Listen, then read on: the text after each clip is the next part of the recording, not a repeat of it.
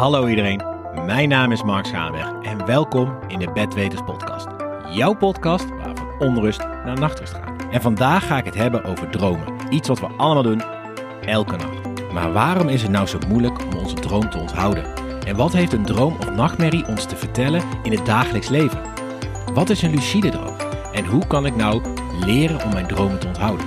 Dit en nog veel meer ga ik vandaag bespreken met auteur en psychologe Ada de Boer. Zij is een van de eerste droomcoaches en startte in 2010 haar eigen praktijk voor dromen en nachtmerries. Dus laten we snel beginnen om te kijken wat jouw droom of jouw nachtmerrie jou te vertellen heeft. En hier in de show Ada de Boer. Welkom. Hallo Mark. Wat leuk dat je met mij samen een podcast wil gaan opnemen over dromen en nachtmerries. Want ik heb in de gaten dat dit wel enorm speelt bij mensen op dit moment. Mhm. Ja, zeker doet het dat, ja. Kan je wat meer over jezelf vertellen? Hoe is het ooit begonnen dat je deze, ja, deze kant op gegaan bent? Mhm. Eh, ik heb psychologie gestudeerd en daarna heb ik een tijdje in therapie gezeten. En toen vroeg mijn therapeut naar dromen. En dat vond ik een hele vreemde vraag. Ik vond het ook een beetje romantisch en het leek me niet heel zinvol. Maar goed, ik heb toen een droom meegenomen en daar zijn we samen naar gaan kijken. En ik was eigenlijk verbaasd van hoeveel dat ene kleine, simpele vlakje droom opleverde aan kennis en emoties, et cetera. En toen na een tijdje was de therapie afgelopen. Toen dacht ik, weet je wat, ik hou mezelf in therapie via mijn eigen dromen. Want dan weet ik tenminste hoe het er met mij voor staat, wat belangrijk voor me is, welke dingen ik moeilijk vind. En dat heeft zich toen wat uitgebreid. Hè. Toen heb ik een vriend gevonden en uh, die ook psychologie had gedaan. En toen hebben we een uh, advertentie in de Volkskrant gezet voor een droomgroep. En dat leverde aardig wat mensen op. En zo ben ik van oorsprong begonnen. Oké, en, die, en die droomgroep was dan, zijn dan mensen die uh, bij jullie kwamen om samen naar de droom van hun te kijken? Ja. En zo ben je Ja, dus gaan gewoon- ontwikkelen. Ja, die gewoon eh, simpelweg nieuwsgierig waren naar hun dromen. Van hé, hey, je, je hebt elke nacht komt er zo'n verhaal uit je. En dat komt uit jezelf voort. En voor een deel begrijp je dat wel en voor een deel begrijp je dat niet. Dus dat is ook best wel heel fascinerend wat het dan betekent. Dus met die vraag kwamen mensen bij ons van wat betekenen onze dromen. En daar hadden wij speciale methodes voor om daar heel dichtbij te komen wat die betekenis was. En daar zijn we mee verder gegaan. Oh, wat gaaf om te horen zeg. Maar ja, eigenlijk ook een vraag is dan, kan je je dromen dan beïnvloeden? Of gaat er iemand liggen en ja, is, is het de waarheid? Ja, ja, wat is de waarheid? Ja, Eh, nou, de, de vraag van, eh, nee, er gaat helemaal niemand liggen. Maar ehm, beïnvloeden is weer even een, een vraag verder. Mhm. Maar ik zal eerst vertellen wat wij doen en wat ook eigenlijk mijn methode is. Als mensen bij me komen met wat betekent mijn droom. Ik vraag mensen of ze de droom opnieuw gaan beleven. Dat wil zeggen gewoon diep ontspannen. En er op een hele concrete manier mee omgaan. Want wat je vaak ziet is dat mensen zeggen van... oh, ehm, ja, ze beginnen vrij snel met die interpretatie. Maar ik laat die interpretatie eerst helemaal los. Eh, mensen doen hun ogen dicht, stappen terug in de droom. Alsof het een film is, zeg maar. En een, film, een droom zelf is wat vluchtig. Maar door deze methode kun je als het ware de droombeelden, de filmbeelden even stilzetten. En er nader naar kijken. En dan stel ik heel concrete vragen. Dus ik stel de vraag van, goh, je hebt een man in je droom. Hoe ziet hij eruit? Hoe oud is die? Eh, hoe, zie, ja, hoe, is het contact, et cetera. En dan geleidelijk wordt wel duidelijk wat het, dan, eh, wat het dan betekent. Maar ik hou die interpretatie bewust even op de achtergrond. En op die manier eh, zie je dat als mensen als het ware op ontdekkingsreis gaan in hun eigen droom, dat dan de betekenis van die droom zich langzamerhand eh, op een heel gevoelsmatige en ervaringsgerichte eh, manier eh, ontvouwt. Oké, dus je, je ja, zeg je net, hè, die interpretatie laat je los. Mensen gaan het dus opnieuw herbeleven. Ehm, Ja. Maar ik hoor ook best vaak mensen zeggen van, ja, maar ik kan mijn droom niet onthouden. Hoe, hoe zit dat dan? Hoe kunnen ze dat dan, hè, want ze onthouden niet, maar hoe kunnen ze dan in de sessie het wel weer terugbrengen? Ehm, onthouden van dromen. Ja, sommige mensen zijn er heel goed in, andere mensen zijn er wat minder goed in. Eh, je vergeet natuurlijk heel veel dromen. Als je nagaat dat je vier of vijf keer elke nacht droomt, dat onthoud je lang niet allemaal. En dat heeft ook een beetje te maken met onze cultuur, omdat die niet zo heel veel aandacht voor dromen heeft. In andere oude culturen zie je dat mensen zich daar meer mee bezighouden. En dan leren mensen ook van jongs af aan om die dromen als vanzelfsprekend te onthouden. Um, daarnaast is het zo dat uh, ja, de een die is er wat, wat, wat, wat handiger in dan de ander. Over het algemeen kun je zeggen dat hele mooie dromen en hele akelige dromen, dat je die het beste herinnert, omdat die de sterkste emotionele component hebben. En die dromen die daartussen zitten, die zijn soms even iets moeilijker uh, te onthouden. Over het algemeen is het zo dat je de dromen waar je uit wakker wordt uh, in de ochtend, dat je die het beste kunt onthouden. En, en klopt het dan ook dat uh, je hersenen de dromen niet vanzelfsprekend opslaan? Omdat hij dus aan het afvalstof aan het afscheiden is en bezig is met uh, hergroeperen? ja, dat klopt wel. Maar goed, je kunt jezelf er wel in trainen om dromen vast te houden. Dus het is ook een beetje wat je gewend bent. Okay. Ik heb ook wel mensen gesproken die het zo interessant vonden dat die zichzelf getraind hadden om een paar keer per nacht wakker te worden en dan die dromen van de hele nacht te herinneren. Dus het is enerzijds een, een, een neurologische kwestie waar jij het over hebt, dat klopt. Maar anderzijds kun je ook jezelf wel trainen om het beter te onthouden. Ik zeg wel eens tegen mensen over dromen dat als ze ochtends dus wakker worden, dat ze het beste in bed kunnen blijven liggen om dan die droom te herbeleven, op te schrijven. Want eigenlijk de ochtendsleur zorgt er ook voor dat dus je droom weer heel snel wegvaart. Klopt klopt. Uh, die droombeelden die zijn, die zijn vaag en vluchtig. En op het moment dat je gewoon met je leven bezig gaat, dus de douche en de kop thee en de boterham, uh, dat is natuurlijk eigenlijk veel concreter. Dus dat kun je veel makkelijker onthouden. En daarmee verdwijnen die vluchtige beelden. Dus het is inderdaad goed, wat jij ook zegt, om in je bed te blijven liggen. Uh, en even helemaal bij de sfeer te blijven waarin je wakker wordt. Het gevoel waarmee je wakker wordt de stemming waarmee je wakker wordt, is veelal ook de stemming van je laatste droom. Dus als je die stemming en dat gevoel even heel erg bewust bent, dan is het ook makkelijker om de beelden, de droombeelden die daarbij horen, om die ook weer op te halen. En als het dan heel moeilijk is om dat eh, te doen, dan kun je ook nog eens een keer heel voorzichtig van houding veranderen. Want de droomherinnering is deels gekoppeld aan de lichaamshouding die je had op het moment dat je droomde. Dus stel je wordt wakker op je rechterzij en je hebt helemaal niks om te herinneren, dan kun je eens voorzichtig van houding veranderen op je rug of op je linkerzij. En dan kan het zijn dat je ook weer een spoor van die droom uh, te binnen schiet. Dat vind ik wel heel interessant. Ik hou ook wel eens, en dan kijk ik eventjes naar de militaire collega's om mij heen en, en de mhm. vrienden, die zeggen het allemaal van ja, maar ik droom nooit. Mm -hmm, ja. Bestaat zoiets als nooit dromen? Nee.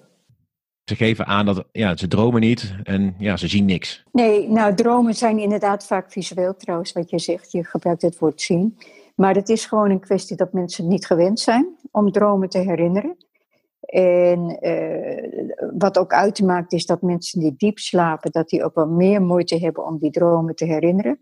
Maar het is gewoon een kwestie van gewend zijn om je dromen al of niet te herinneren. Dus niet dromen komt niet voor dromen, dat is uh, gekoppeld aan de remslaap.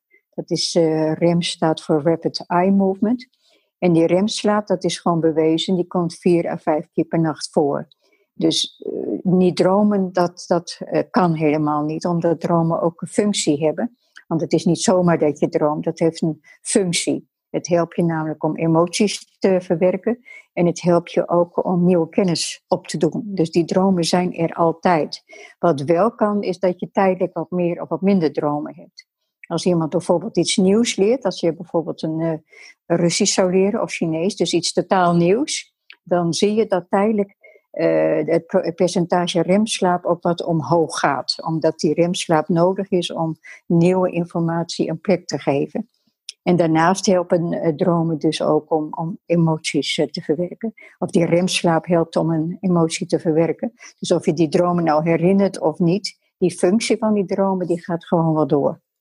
Ja, inderdaad. Hè. En dan vooral natuurlijk later op de dag of later op de nacht, hè, veel meer rem. Um, Klopt. Maar ja, kan je die dromen dan ook beïnvloeden? Uh, je bedoelt op het moment dat je droomt of je bedoelt ja, ik, achteraf? Ik, ik, ik, ik dacht, ik denk um, dat ook soms mensen in lichte slaap zijn en dan gaan ze hun eigen verhaal maken in, in, hun, ja, in hun slaap. Bestaat mhm. dat? Uh, ja, je kunt het wel enigszins beïnvloeden. Um, er zijn twee dingen. Je kunt je bewust zijn van het feit dat je droomt. Dat noemen we lucide dromen, heldere dromen. Uh, dan is het sowieso makkelijker om meer richting aan je dromen te geven. Maar je kunt ook, en dat leren mensen ook wel in mijn droomgroepen, om je meer bewust te worden van keuzemomenten die je in de dromen hebt. Want in eerste instantie zeggen, hebben mensen toch vaak het gevoel dat dromen hun overkomen. Maar als je eraan werkt om de keuzemomenten duidelijk te maken die je in een droom hebt, en die keuzemomenten die hangen vaak ook samen met emotionele obstakels die je hebt. Als je daar meer van bewust wordt en dat vaker doet, dan kan dat zich ook in dromen uh, kan dat gaan uh, ja, doorschemeren, zeg maar, en meer plek krijgen. dus dat je ook in je dromen zelf bewust bent van dat er eigenlijk ook best wel een keuze is. En hoe lang duurt dan zoiets om dat te trainen, om uiteindelijk die keuzes te kunnen maken? Nou, het is niet zo dat je dat, dat je kunt is een algemeenheid wat bewuster worden van je keuzes. Maar om volledig invloed op je dromen uit te oefenen, dat is echt niet mogelijk. Omdat ze toch ook voor een deel autonoom proces zijn. Dus zelfs in lucide droom, als je een lucide droom hebt en je weet dat het een droom is en je denkt, oh, het is een droom, ik kan doen wat ik wil. Ook daar zie je dat de keuzevrijheid wel enigszins beperkt is. Een voorbeeld, een vrouw die was vreselijk verliefd op een man, maar die durfde daar niks mee te doen, ook niks te laten blijken. En ze had een lucide droom over die man. En ze dacht, hé, hey, nu kan ik alles doen wat ik wil. Maar ook in die lucide droom kon dat niet. Omdat haar emotionele obstakels of haar emotionele uh, moeilijkheden daarvoor toch uh, te groot waren, zeg maar. Dus de keuzevrijheid die je hebt is redelijk beperkt. Maar die is er wel enigszins. Zo, en dus echt die keuze. Dus je wordt echt ook nog gewoon tijdens je droom word je gewoon nog beperkt voor de beperking die je dagelijks ja, ook dus hebt. Ja, en, en nogmaals, eh, de meeste mensen ervaren ook dat een droom hun overkomt. In meerdere of mindere mate. Eh, je ziet bijvoorbeeld ook mensen die zijn toeschouwer in hun eigen droom. Dus die hebben. Maar de, de, de keuze mogelijk. De mensen hebben vaak het gevoel dat een droom hun enigszins overkomt. En dat heeft ook weer te maken met dat de meeste dromen, dat is onderzocht, 60, 70 procent van de dromen, zijn niet zo heel bevredigend. Dus dat kan zijn dat je een vaag gevoel van ongemak ervaart. Het kan ook een nachtmerrie zijn en alles wat ertussen zit. Maar dromen zijn eerder onprettig dan prettig. En dat onprettige hangt vaak ook samen met het feit dat je dan in je dromen uh, moeilijk vindt om actie uh, te vertonen of om uh, bepaald gedrag neer te zetten. Dat is in dromen blijkbaar toch moeilijk. En dat, ja, dat is vrij algemeen in dromen. En het vergt inderdaad een training om, om te zien van hé, hey, ik kan in een droom toch meer doen als dat ik eigenlijk gedacht had. Wel mooi hoe je dat omschrijft, want ja, we zien op het dagelijks leven dat mensen overdag ook tegenwoordig niet heel veel meer actie uh, nemen, hè, controle in het leven, maar meer op de passieve succesmomenten aan het wachten zijn. Het, het overkomt me. Dat zou kunnen, want dat activiteit heeft ook heel veel componenten. Dat kan in de droom zijn dat je rent of fietst of wat dan ook. Maar activiteit heeft een, een ander aspect van activiteit, is dat je initiatief neemt. Dus in je dromen ben je vaak reactief. Er gebeurt iets en daar reageer je op, of je reageert er zelfs helemaal niet op. In de nachtmerrie kun je zelfs helemaal verlamd voelen, zeg maar. Maar als je initiatief neemt in een droom, dat is ook een element van uh, activiteit. En ook het gevoel van dat je ook daadwerkelijk invloed hebt op wat er gebeurt. Een, een voorbeeld, iemand die komt een akelige man tegen in een droom. En ze slaat die man neer. En die man die slaat, eh, staat, staat direct weer overeind. Ze slaat hem weer neer. Die man die slaat staat direct weer overeind. Dus ze is wel actief, maar haar activiteit heeft geen enkele invloed. En dat heeft natuurlijk ook te maken met hoe ze dat in het dagelijkse leven uh, ervaart, of wat ze in het dagelijkse leven meemaakt.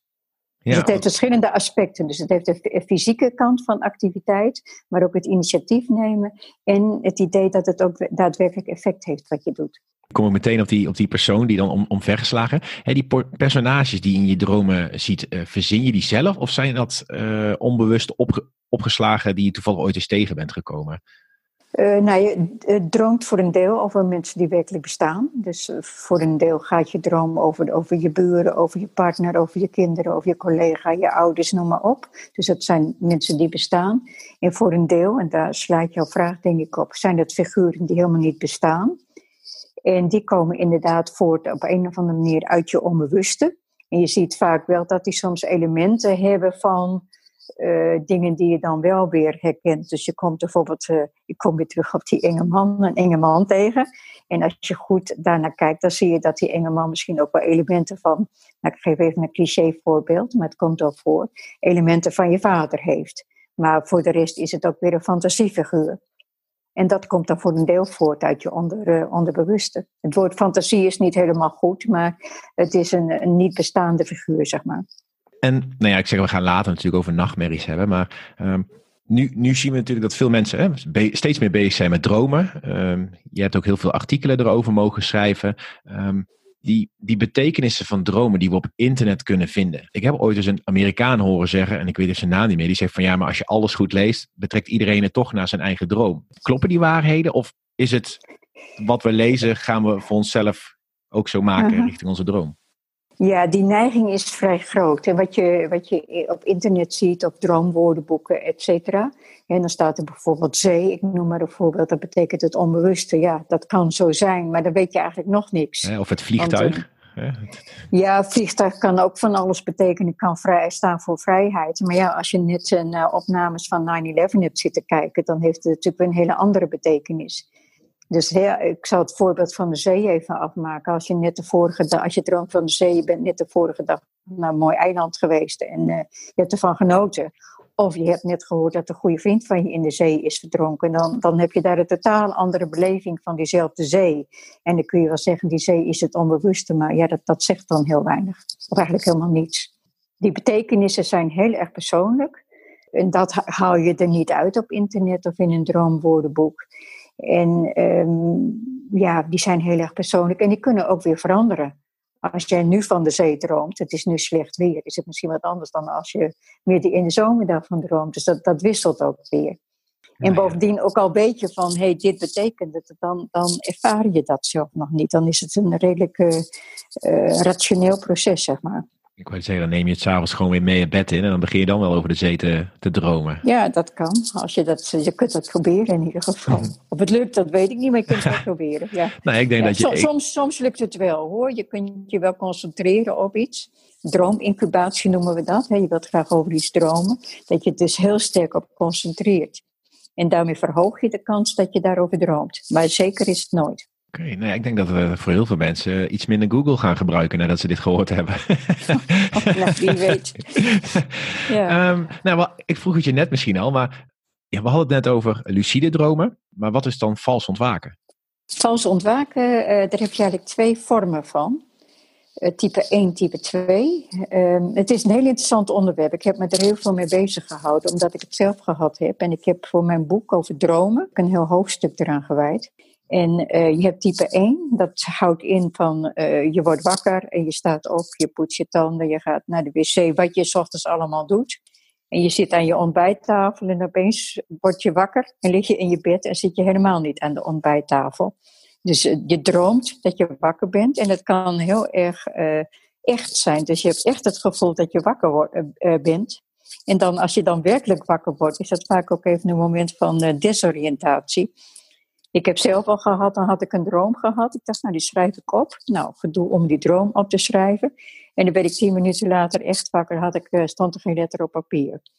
Dat, is, uh, dat is type 1 vals ontwaken. Dat is, uh, je kunt wat gedesoriënteerd zijn. type 2 vals ontwaken, dat is wat minder onschuldig. dat is dat je droomt dat je in je eigen bed ligt. Maar dat er een, een, een diepgaande, beangstigende aanwezigheid is. En vaak, ik zeg een aanwezigheid, omdat je het vaak niet ziet. Het is niet een, figuur, maar het is een aanwezigheid. Uh, het kan wel zijn dat, er dat je iets hoort, dat iemand je naam roept. Dat kan gebeuren. Uh, maar het effect is dat je waanzinnig bang bent. Maar je ligt dus wel in je eigen bed. Je, je, dat is de basis, dus dat is een verschil met de gewone nachtmerrie. Je ligt in je eigen bed. Je slaapkamer is ook precies zoals die is. De ramen, de, nou, alles wat je maar wilt. Alleen er is iets aanwezig wat waanzinnig beangstigend is. En dat is uh, type 2 vals ontwaken. Maar is, moet ik dan eh, voorstellen dat diegene dan eigenlijk uit zichzelf stapt en dan van een, ja, de derde persoon meekijkt? Nee, nee, hij kijkt zeker niet in de derde persoon, want dan zou het minder bedreigend zijn. Je bent, je bent uh, zeker jezelf, zeg maar. En het is gewoon, gewoon ontzettend bedreigend. Maar er is een aanwezigheid het is niet helemaal uh, te verklaren. Dat kan te maken hebben met een uh, slaapverlamming. Want als je de remslaap hebt, dan zijn je skeletspieren die zijn verlamd. Je kunt niet lopen of uh, et cetera. Dus het kan zijn dat je nog steeds in die verlamming zit en al bezig bent wakker te worden. dat is een verklaring. soms heb ik ook wel het gevoel van ehm, dat je op dat moment uit je lichaam gaat. En dat je dus ehm, de wereld van de geesten betreedt, zeg maar. Oké. Ja, Want je ziet bij heel veel volken dat dromen, die worden gezien als een reis door de wereld van de geesten. Wij zien dromen als iets wat uit jezelf voortkomt, uit je onbewuste, uit je hersenen, uit je geest. Dat is een hele goede verklaring, die ik ook vaak heel veel hout snijd.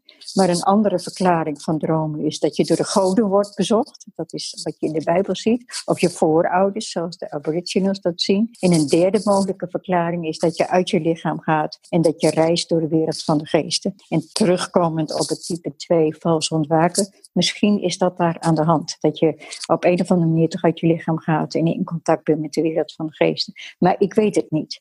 Wat ik wel weet is dat het een waanzinnig beangstigende ervaring is.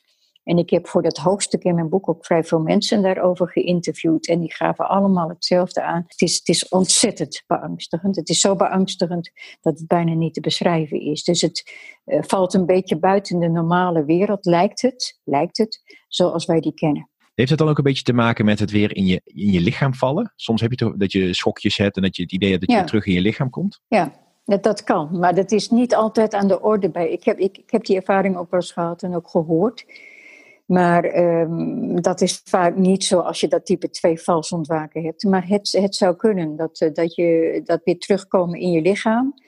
Uh, dat zou er een rol bij kunnen spelen. Maar ik ben hier een beetje aarzelend over, omdat het toch een eh, verschijnsel is wat niet heel erg goed opgelost is. Ik kan alleen maar op mijn eigen ervaring afgaan en heel goed luisteren naar mensen en proberen te begrijpen wat ik hoor. Nou ja, dat is denk ik ook het, het, mooiste aan ons gesprek natuurlijk. Wij delen mhm. ons wat we ervaren, zien en wat we ooit gelezen hebben. En ja, ik zeg al, dromen volgens mij blijven ze dagelijks nog zoveel onderzoeken doen, omdat er, ja, er komt steeds iets nieuws. Ik denk dat je een heel mooi uitleg hebt gedaan over het, het vals ontwaken. Um, en voor de mensen die er last van hebben, die, kunnen die dan het beste gewoon in, in coaching gaan, nemen gaan, hè?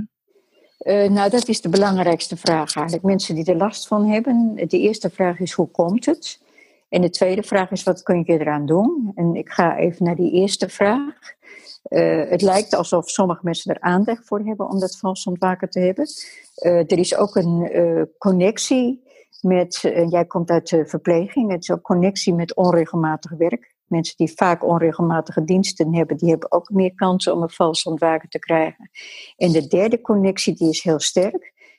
mensen die ooit drugs hebben gebruikt. Daar is een hele sterke connectie tussen het type 2 vals ontwaken en het gebruik van drugs. Dus dat is ook een mogelijke oorzaak. En is het dan eenmalig drugs of vaker drugs gebruiken? Uh, ik heb ooit zelf een trip gemaakt. En de valse ontwakens die ik eerst had, die grepen daarop terug. Later niet meer. Ik heb het ook nooit meer gedaan. Dus in mijn geval was het eenmalig. Oh, okay. Maar het kan, het kan dus ook zijn dat, het, dat mensen veel vaker... Ja. ja, ja. Oké. En wat je eraan doet, dat is eigenlijk een belangrijke vraag. Uh, waar het vandaan komt, daar kun je heel veel over speculeren. Maar mensen hebben er last van. Dus de vraag is, wat kun je eraan doen? Je merkt, en dat merkte ik ook toen ik die mensen interviewde, dat mensen eigenlijk hele creatieve manieren vinden om ermee om te gaan. Als je in zo'n vals ontwaken zit, dan hebben mensen de neiging soms ook naar een lichtknopje te, te grijpen. En dat vinden ze niet. En ze zijn zich dan op een gegeven ogenblik bewust, als ze dat vaker doen, van hé, hey, ik grijp weer naar het lichtknopje. Hé, hey, ik heb een vals ontwaken. Dus op het moment dat je bewust bent van het feit dat het een vals ontwaken is, ben je eigenlijk al bezig om uit die wereld te stappen, zeg maar. En je kunt je ook trainen, want als het steeds weer hetzelfde vals ontwaken is, want er is een enge aanwezigheid en je grijpt naar het lichtknopje, dan kun je gewoon overdag, als je ontspannen bent, kun je trainen. En dan doe je ogen dicht, je ontspant je, je stelt je voor dat je in bed ligt, je stelt je voor dat je vals ontwaken hebt. Alleen dat heb je niet echt natuurlijk, maar dat stel je je voor. En dan train je jezelf erin om het lichtknopje aan te doen. Dus je zorgt ook dat dat lichtknopje uh, onder handbereik ligt. Dus je kunt jezelf ook trainen als je steeds weer dezelfde, hetzelfde vals ontwaken hebt. Dat is niet altijd het geval hoor. En ze kunnen ook weer steeds verschillende ervaringen hebben. Maar als het steeds dezelfde is, kun je jezelf zeker trainen daarin. Dromen, je vertelt het al, hè? onze cultuur. Er is een generatie die er steeds meer mee bezig is. Er is een generatie die er absoluut niet, niks mee bezig is. Um, wat zegt het als een droom keer op keer terugkomt? Uh, in de Talmud staat een uh, droom die keer op keer terugkomt. Dat is als een ongeopende brief. Er zit een boodschap in en die heb je nog niet gevonden of nog niet ontcijferd. Als een droom keer op keer terugkomt. Ik heb bijvoorbeeld een van mijn coachingscliënten die, die droomt elke avond over spinnen. Ja. Uh, ja, wat je dan kunt doen. Wat, hè, ik heb nu niet echt een antwoord, maar oké, je droomt over spinnen. Waar is die spin? Wat doet die? Uh, naar welk deel van het lichaam gaat dat? Dat zijn allemaal hele belangrijke vragen om erachter te komen wat die droom te zeggen heeft. Uh, als je het heel eng vindt, als het een nachtmerrieachtige droom is, ik weet niet of dat het geval is. Nee, het blijft continu raden, maar geen nachtmerrie. Het is wel elke dromen s'avonds en er is iets met spinnen. Ja, ja. ja. Uh, het kan natuurlijk zijn dat deze persoon ooit iets met spinnen heeft gehad, daadwerkelijk daar een ervaring mee heeft gehad. Eh, dan is het daarop terug te leiden. Dat weet ik niet. Als dat niet het geval is, dan zou ik het dus heel concreet gaan onderzoeken van waar zit die spin, waar ben jij, uh, welk deel van je lichaam. Want dat is dan ook vaak zo als het bedreigend voelt van welk, welk deel van je lichaam voelt zich bedreigd. Is het je hart, is het je hoofd, zijn het je handen, et cetera. Heb je het gevoel dat die spin je iets zou kunnen doen? Is het één spin? Zijn het meer spinnen? Dus ja, dat is eigenlijk hetzelfde. meer vragen nodig om ja, om het concreet te maken. En dan ook niet alleen concreet te maken, maar dat iemand ook daadwerkelijk ervaart wat die angst precies is. Als het angst is, hoor ik. Je vertelde net al, hè? Eh, het, het kan een droom zijn, maar ook een nachtmerrie. Wat is mhm. een functie van een nachtmerrie? Je heeft geen functie, het is alleen maar heel vervelend. ja, dat, ja. zeker. Ik, ik had als kind veel nachtmerries. Op mijn uitzendingen had ik ook meer nachtmerries. Maar dat kwam meer als ik dan op patrouille moest of hè, de, dan ging je natuurlijk het brein alvast. Maar hoe kijk jij tegen nachtmerries aan? Uh, nou, nachtmerries kunnen heel veel oorzaken hebben. En eigenlijk noem je er zelf al twee. Namelijk kinderen die hebben uh, meer uh, nachtmerries als volwassenen. Dat, dat scheelt aanzienlijk. Daar kun je verschillende theorieën over hebben. Uh, ook kunnen nachtmerries uh, plaatsvinden als er iets heel sterk in je leven verandert. Als je heel erg ziek bent of als je verhuisd bent, et cetera. En natuurlijk, wat jij aangeeft, is een nachtmerrie ook een functie van een daadwerkelijke uh, bedreigende situatie. Dat vertaalt zich in nachtmerries.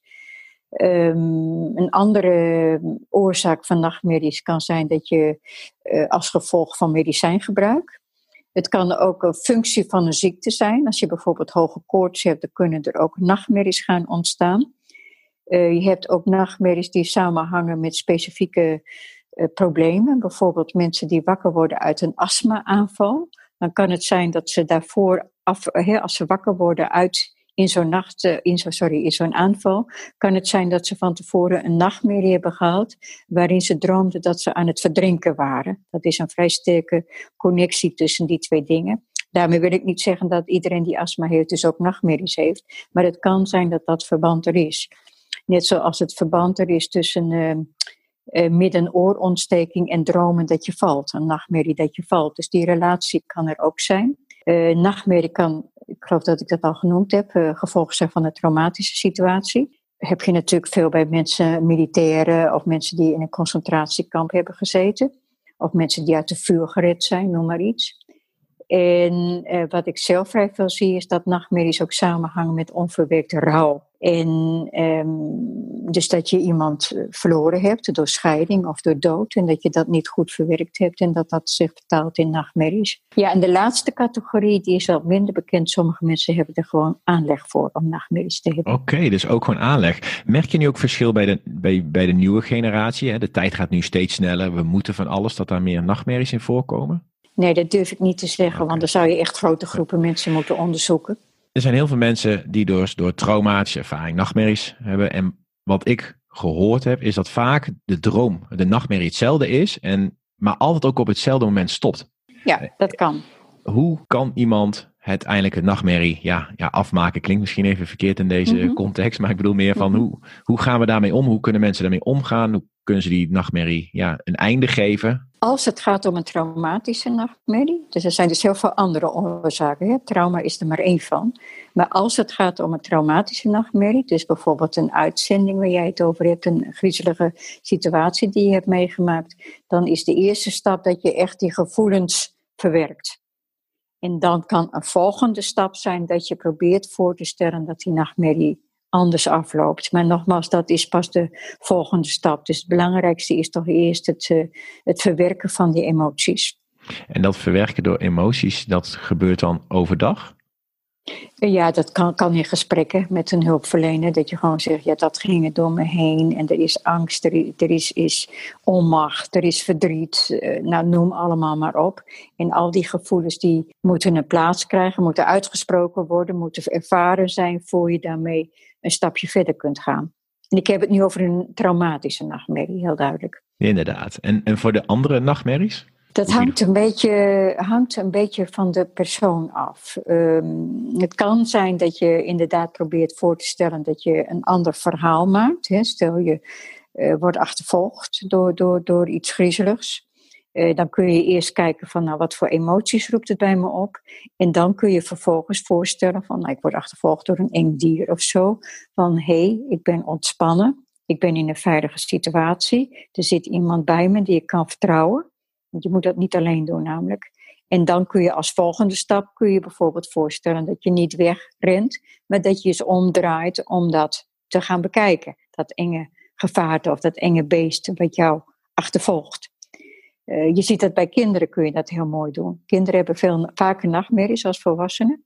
En stel die dromen van, van iets engs, dan kun je zeggen: Oké, ik ben bij je, je hoeft niet bang te zijn. Dat kussen op de vloer, dat is dat enge beest uit jouw droom. Je bent bij me, je bent veilig, kijk er eens naar. Vertel me wat je ziet. Want het kenmerk van nachtmerrie is dat je het ook alleen bent met je angst. En op het moment dat je die angst deelt, verandert er al iets, komt er iets meer lucht in.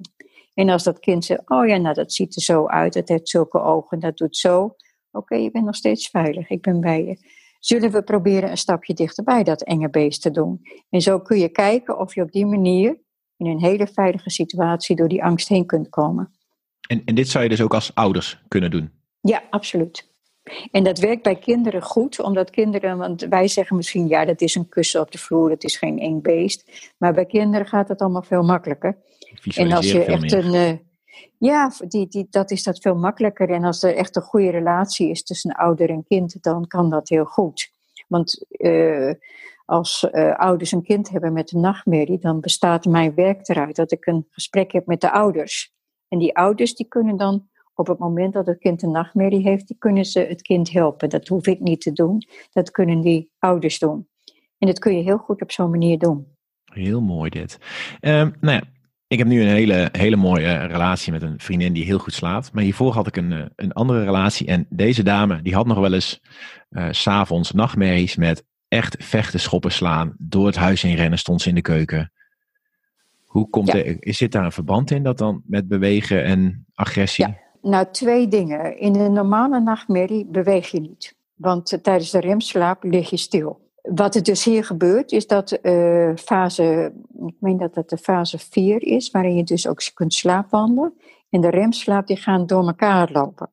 Dus dan moet je eens bekijken of daar een neurologisch probleem is. Dat kan duiden op een neurologisch probleem. Maar je kunt ook proberen om het uit elkaar te trekken. Dus dat je echt puur op de inhoud van een nachtmerrie ingaat. En kijkt van, is daar sprake van agressie? Ik denk eerder als ik het zo hoor dat er ook angst uh, een rol speelt.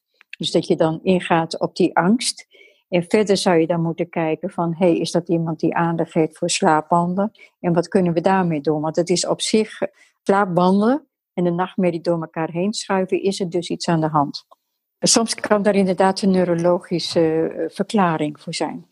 Dat is ook vaak niet het geval, maar dat, dat kan inderdaad zo zijn. Een vraag die toevallig binnenkwam is: waarom dromen zwangere vrouwen meer en heftiger? Dat is in een bepaald stadium van de zwangerschap. Is dat inderdaad zo? Ik weet de tweede toch? De tweede fase. Ja, en ik weet niet of het meer is, maar het lijkt meer omdat de dromen uh, een sterkere gevoelswaarde hebben. En om als dromen een sterkere gevoelswaarde hebben, dan kun je ze ook beter herinneren.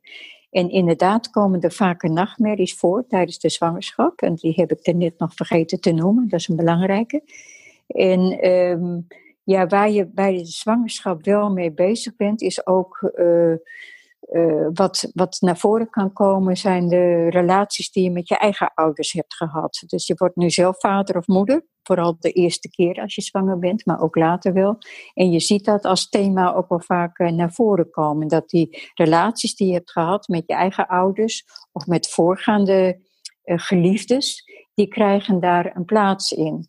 En um, zwangerschap, zeker de eerste keer, gaat een totaal onbekende wereld tegemoet. Je weet helemaal niet hoe dat gaat zijn om vader of moeder, in dit geval moeder te zijn. Dus dat roept natuurlijk ook onzekerheid op. En dat roept angst op. En dat kan zich vertalen naar nachtmerries. En het heeft ook te maken met oestrogeen en et cetera, dat de gehalte, dat verandert wat. En daardoor krijg je een grotere kans op nachtmerries.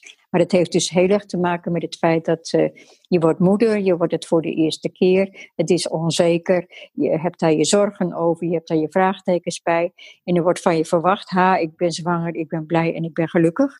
En dat ben je ook allemaal, dat klopt ook. Maar daaronder zit natuurlijk de angst van, hey, hoe gaat dat verder? Of de, of de onzekerheid, hoe gaat dit verder? En dat vertaalt zich ook in dromen.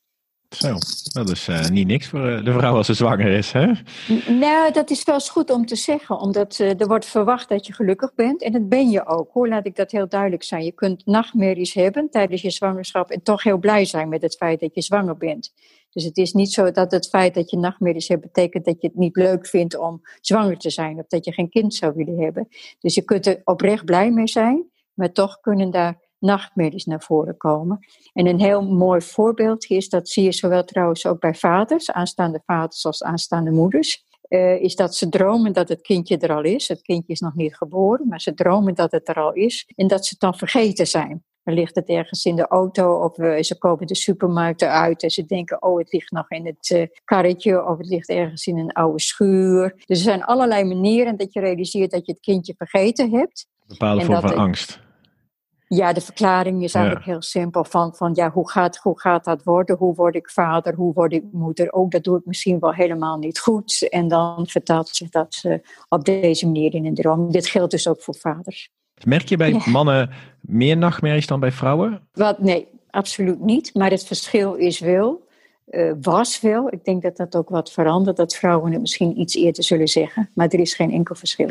Dat is ook hetzelfde met slaapproblemen. Vrouwen praten daar makkelijker over dan mannen. Mannen denken vaak dat ze het kunnen compenseren met een dag goed uitslapen. En dan gaan ze weer. Mm -hmm. en, vrouwen zijn toch wat meer ook met piekeren. Uh, ja, gaan er wat, trek wat sneller aan de bel. En hiermee eindig ik de podcast over dromen met Ada de Boer. Mochten jullie meer informatie willen hebben over Ada, kijk dan op nachtmerrietherapie.nl. Heb je zelf nog vragen omtrent dromen, nachtmerries of andere vragen over slaap? Stel deze dan gerust via mijn Instagram of via mijn contactformulier op markschalenberg.com. Enorm bedankt voor het luisteren van deze podcast. Weet jij of ben je iemand met een inspirerend slaapverhaal die niet mag ontbreken in mijn show? Neem dan contact op met mij via mijn website markschalenberg.com. Wil je meer informatie over mij of op de hoogte blijven van de laatste nieuwtjes? Schrijf je dan verblijvend in voor de nieuwsbrief. Ik hoop dat je wat nieuws geleerd hebt om van onrust naar nachtrust te gaan. Tot de volgende keer, maar voor nu, slaap lekker.